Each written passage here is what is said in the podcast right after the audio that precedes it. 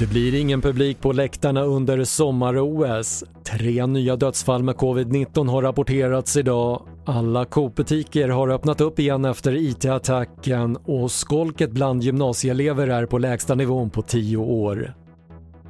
Ja, TV4-nyheterna börjar med uppgiften att det inte blir någon publik på arenorna under sommar-OS i Tokyo som inleds om två veckor. Det innebär att arrangörerna backar från det tidigare beskedet att tillåta 50% av kapaciteten eller max 10 000 inhemska åskådare. Beslutet kommer efter att Japan på nytt utlyst nödläge då deltavarianten av coronaviruset sprider sig snabbt i Tokyo där 920 nya fall registrerades igår. Så Sverige. Tre nya dödsfall med bekräftad covid-19 har rapporterats in idag enligt Folkhälsomyndigheten och därmed har totalt 14 642 personer avlidit under pandemin i Sverige.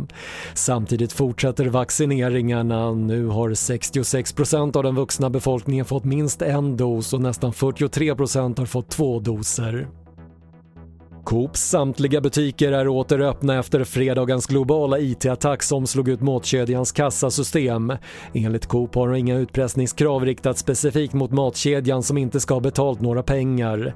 Det som har tagit tid är att man behövt skicka ut tekniker fysiskt till matkedjans alla butiker i hela landet för att manuellt starta om kassa för kassa.